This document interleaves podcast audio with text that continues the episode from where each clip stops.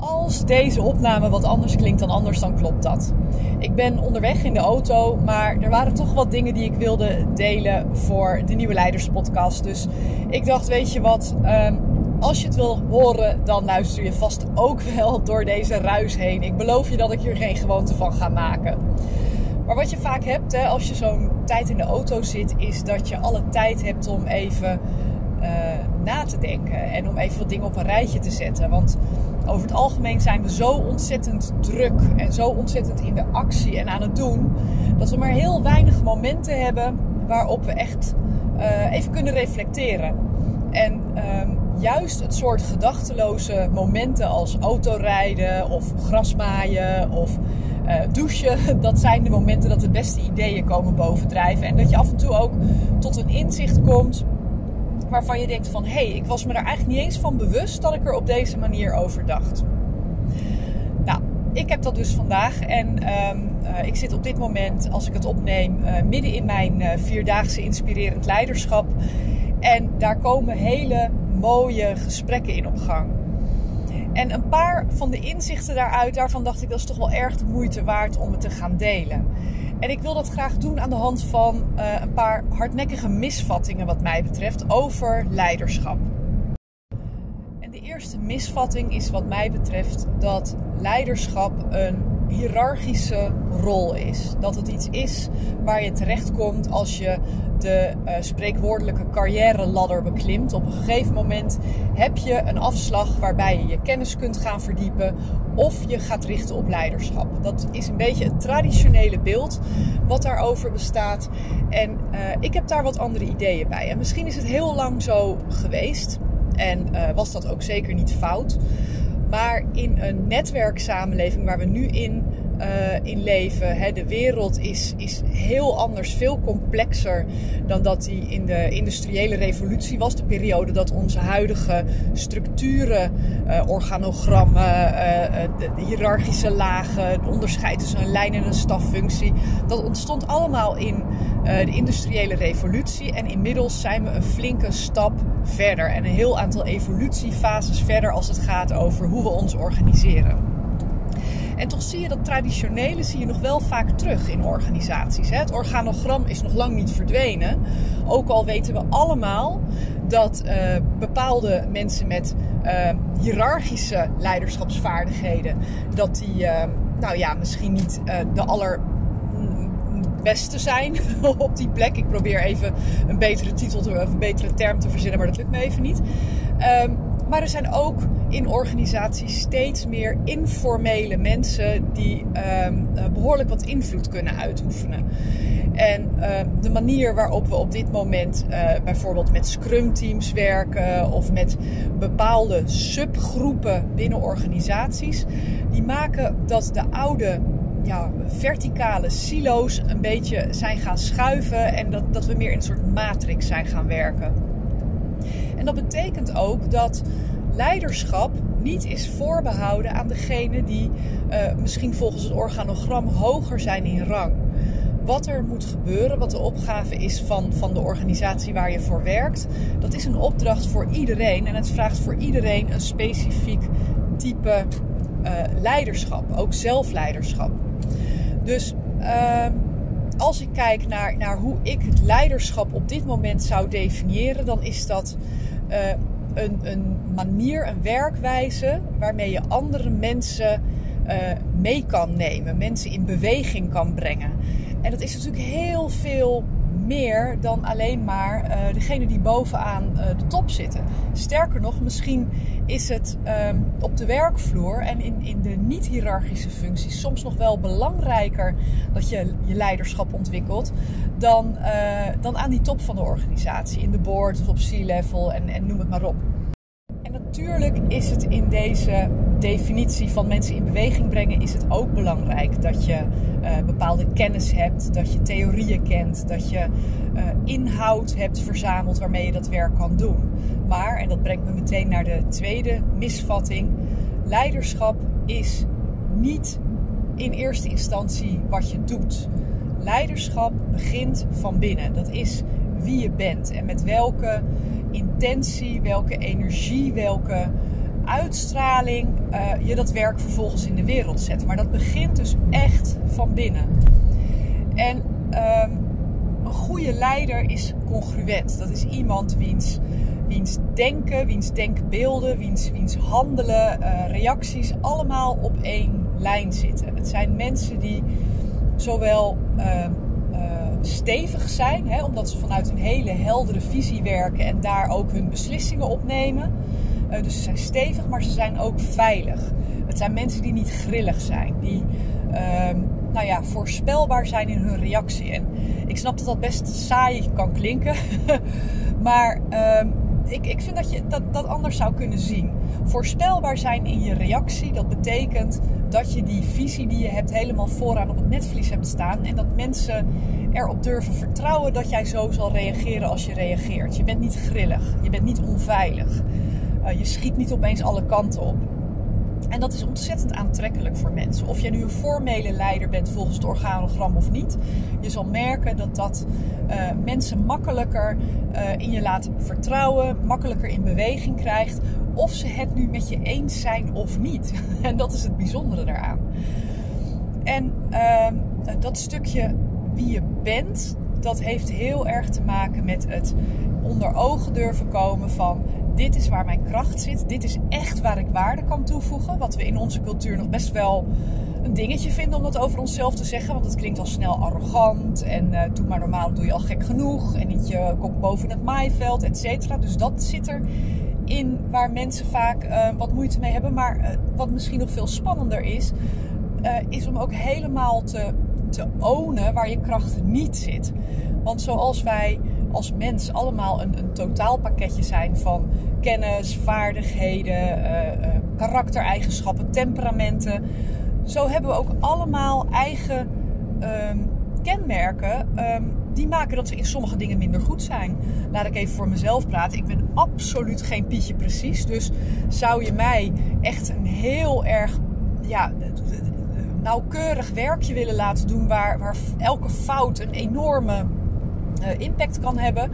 Ja, weet je, dat, dat gaat fout. Dat is gedoemd te mislukken. En ik heb aanvankelijk een aantal jaar geleden daar allerlei uh, trainingen opgevolgd en weet ik wat allemaal om dat te compenseren. Maar eigenlijk is dat natuurlijk heel raar.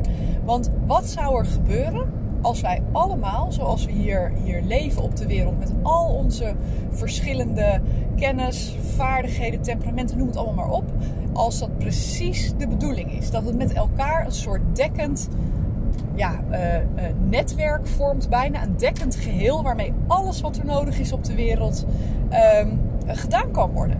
Dat we elkaar ook echt nodig hebben om het voor elkaar te krijgen. Dan is het toch eigenlijk raar dat we heel veel energie stoppen in het wegwerken van tekorten, hè, van waar je tekort schiet. Want als je diezelfde energie zou steken in daar waar je heel goed in bent, waar je heel veel waarde toevoegt, waar je echt uh, nou ja, een, een bijzondere meerwaarde hebt, dan kunnen dingen gaan vliegen. Dan vergroot je die vaardigheden nog eens, dan vergroot je die talenten nog eens, waardoor het nog waardevoller wordt. En zo zijn we niet heel erg georganiseerd met elkaar. Hè? Als je functioneringsgesprekken of beoordelingsgesprekken bekijkt, dan gaat het vaak over waar moet je jezelf wat bijschaven. En natuurlijk, als er bepaalde dingen echt nodig zijn voor je functieomschrijving, um, nou ja, dan kan het af en toe ook daadwerkelijk nodig zijn. Maar ik denk dat we daar wel eens wat te rigide in zitten. En dat de talenten die we hebben over het algemeen meer dan kunnen compenseren voor de tekorten. Alleen daar helemaal voor gaan staan van jongens, ik ben Petra, ik ben niet goed in nauwkeurigheid, in, in uh, fijnmazige dingen uitzoeken. Dat moet je niet aan mij overlaten. Doe je mij geen plezier mee en doe ik jullie al helemaal geen plezier mee. Ja, die sprong die mogen we nog gaan maken. En dat ook waarderen dat iemand dat weet over zichzelf en daar heel open over is. Ja, dat is iets wat we nog niet van nature uh, op het netvlies hebben en wat we nog niet heel erg aanmoedigen. Je kunt het ontwikkelen van leiderschap zien als een mooi traject van persoonlijke groei. Je komt alles van jezelf tegen. Je komt tegen het, het uh, durven uitspreken van waar jouw kracht zit en hoe je daar woorden aan kan geven zonder dat je mensen daar meteen mee uh, nou ja, het beeld geeft dat je arrogant of over het paard getild bent. Uh, je leert je, je schaduw erkennen, de, de, de kanten waar je niet trots op bent. die je eigenlijk liever zou verbergen voor jezelf en al helemaal voor andere mensen. Ehm, je leert hoe je ehm, ja, vanuit een soort emotionele neutraliteit kan reageren op, op het gedrag wat je bij anderen ziet. Dus het is één grote persoonlijke groeitraject. En ja, laten we eerlijk zijn, niet iedereen heeft daar zin in. Niet iedereen heeft zin om dat met zichzelf aan te gaan en om zo bij zichzelf naar binnen te keren om vervolgens het leiderschap wat je aan de buitenkant ziet te ontwikkelen. En dat hoeft ook niet. Stel dat jij een super expert bent op een of ander inhoudelijk thema. Stel je bent, nou ja, laat ik eens iets ingewikkeld zeggen, je bent een instrumentenmaker. Ehm, dat, dat zijn banen waar je ehm, waarschijnlijk niet per se leiderschap uh, bij nodig hebt. Hè. Het, is, het is tamelijk solistisch. Je kan het alleen doen. Het is heel specialistisch. Dus je bent altijd heel erg diep in een bepaald uh, project bezig of een, een, bepaalde opdracht bezig. En hebt dan ook niet zoveel met, met je omgeving te maken. Dus daar is het niet zo nodig voor. Maar zit je in organisaties waar je met meerdere mensen of meerdere disciplines bepaald resultaat moet gaan neerzetten, ja, dan, uh, of je, hoe je het ook went of keert, dan komt er leiderschap bij kijken. En dat uh, is dus, wat ik al zei, niet voorbehouden aan de mensen die baas zijn, om er maar een woord aan te geven. Uh, dat geldt voor iedereen. En dat leiderschap kan erin bestaan um, dat je je op zo'n manier weet te verbinden aan anderen. Dat je met elkaar meer wordt dan de som der delen. Hè? Ook de mensen die je niet mag. Dat je daar een modus mee vindt van oké, we liggen elkaar niet, maar ik ben oké en jij bent oké. En als we het op deze manier doen, dan uh, houden we toch dat hogere doel. Hè? Dat, dat product, die dienst, dat, de, manier waarop wij de wereld mooier maken met elkaar, dat houden we voor ogen. Um, en dat vraagt iets van ons allemaal. Is er zoiets als een geboren leider? Ik ben daar niet helemaal uit, moet ik je heel eerlijk zeggen. Ik vertelde vanochtend in uh, de Vierdaagse het verhaal van de sledehonden. En misschien ken je dat wel. Um, van die, van die sledes die door, uh, door ja, het zijn huskies geloof ik, uh, worden getrokken. En ik hoorde daar een heel mooi verhaal over. Namelijk dat um, voor de ja, de voorste hond van die sledenroedel, dat is nooit de meest alfa-hond. Het is niet de meest dominante hond. En dat zou je wel denken op het eerste gezicht. En waarom kiezen ze ervoor om niet die alfa-hond vooraan te zetten? Omdat die zo dominant is en zo krachtig en, en uh, nou ja, heftig soms dat hij ook de andere honden van zich afjaagt. En wat gebeurt er als je met elkaar een slede moet trekken? Dan kan het zomaar gebeuren dat die alfahond ervoor zorgt als die vooraan loopt, dat de andere honden afstand tot hem willen houden. En dat de slee dus, uh, nou ja, het netto effect is dat hij dat die langzamer gaat. En wat ze in plaats daarvan doen, is dat ze vooraan de slee de meest charismatische hond neerzetten. Dat is een hond die aantrekkelijk is voor anderen. Weer een die stevig en veilig is, die de andere honden heel graag volgen. En zo haal je maximale snelheid met die slee. En ik denk dat in leiderschap een deel ook um, voortkomt uit charisma. En dat is dat, dat, dat je ne sais quoi, uh, wat je niet echt kunt, uh, kunt leren. Tegelijkertijd um, kan het wel enigszins aan je groeien als jij congruent bent. Dus als jij inderdaad zorgt dat wat jij van binnen voelt, wie jij van binnen bent, dat het ook daadwerkelijk helemaal te zien is aan je acties, aan je uitingen, aan je samenwerkingen. Op die manier word je magnetisch. En um, nou ja, dat, dat maakt ook dat je een steeds effectievere en krachtiger en, en charismatischer leider wordt. Dus kan je leiderschap, is dat een aangeboren vaardigheid? Nou, waarschijnlijk zijn er een aantal aangeboren, uh, uh, zijn er een aantal geboren leiders op de wereld. En dat zullen dan de mensen zijn die van nature dat charisma al hebben. Die zich van nature op een manier gedragen die andere mensen uh, stevig, inspirerend en aantrekkelijk vinden. Maar heb je dat niet, dan zijn er allerlei knoppen waar je bij jezelf aan kan draaien zonder dat je een rol gaat spelen. Integendeel, je wil juist steeds meer jezelf worden. Die ervoor zorgen dat je dat leiderschap ook uh, veel meer laat zien en dat je daarin ook steeds effectiever wordt. Nog een andere misvatting waar ik iets over kwijt wil is dat een leider, een goede leider, altijd een soort extraverte, allemans vriend is. Dat het een mensenmens is. Die graag gezelschap opzoekt, die graag voor de troepen gaat staan. En ik kom inmiddels zo ontzettend veel voorbeelden tegen van mensen die krachtige leiders zijn, maar die heel introvert zijn. Die juist hun team heel erg willen laten shinen. Die zelf niet snel op de voorgrond zullen treden, ehm, maar die andere mensen graag dat podium willen laten geven. ik weet niet of je toevallig het interview hebt gehoord wat ik. Geloof de 49ste aflevering die ik heb gedaan met mijn eigen oude baas Jan van der Bos. Ehm, hij is echt zo'n voorbeeld van iemand die niet graag op de voorgrond treedt. Die eerder verlegen is dan uh, iemand die uh, ja, op de zeepkist zal gaan staan of op een podium zal gaan staan. En toch, uh, als ik terugkijk op de leiders waar ik mee te maken heb gehad in mijn, in mijn carrière, dan is hij een van de grote voorbeelden voor mij van hoe een goede leider in elkaar zit. Ik kom ook leiders tegen die uh, heel veel leiderschap hebben op de inhoud. Die zo ontzettend veel weten van een bepaald thema en daar zo'n heldere visie op hebben en dat ook kunnen uitleggen aan anderen. Uh, het zij uh, pratend, het zij op papier of wat dan ook. Dat hun leiderschap veel meer daarin zit. Ik ken ook leiders die heel goed zijn in het organiseren van dingen. Die weten dat ze zelf inhoudelijk misschien niet heel sterk zijn en dat ze misschien ook niet de allerkrachtigste uh, uh, ja, extraverte types zijn die graag voor de troepen staan. Maar hun leiderschap zit er weer in dat zij uitstekend in staat zijn om hele complexe doelen om die georganiseerd te krijgen. Om de goede mensen, middelen, uh, het, het goede proces om dat allemaal te organiseren. Dus zijn leiders een one size fits all? Nee, absoluut niet. Ik denk dat leiderschap het meest krachtig is als jij voor jezelf kan nagaan waar ben ik nu goed in? Waar zit mijn natuurlijke kracht? Hè? Ze noemen dat ook wel je, je, je sweet spot of je ikagai of je zone of genius of hoe je het ook wil noemen. Als je die weet te vinden en dat is wat jij in de wereld zet, dan zit je maximaal in je leiderschap. Dan kan je maximaal waarde toevoegen vanuit het, het profiel wat jij hebt.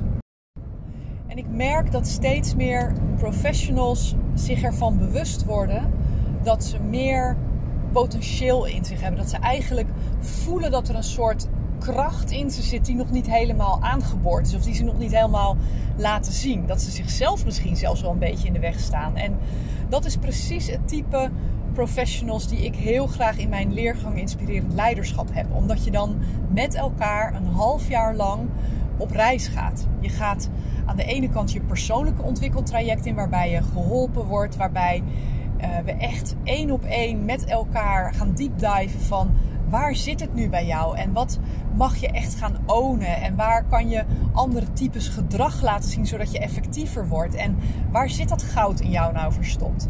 En tegelijkertijd is het een heel krachtig groepsproces. Um, waarbij ik een leercommunity organiseer. Waarbij je echt een aantal keer live bij elkaar komt. Je ziet elkaar elke maand in een, eh, in een masterclass. En de ervaring leert dat die leercommunity ontzettend veel meerwaarde heeft. Omdat uh, er een duurzaam netwerk uit ontstaat, dat ten eerste. Maar omdat je ook heel erg leert van elkaars vragen, van elkaars processen, hè, de ervaringen delen, et. Dus dat is heel waardevol. Daarom hou ik ook die groepen bewust altijd beperkt. Want als die groep te groot wordt, dan mist dat stukje, dat stukje magie erin. Nou, weet dat ik deze week, uh, om precies te zijn vanmiddag, de deuren van de leergang Inspirerend Leiderschap weer open. Ze vullen over het algemeen snel.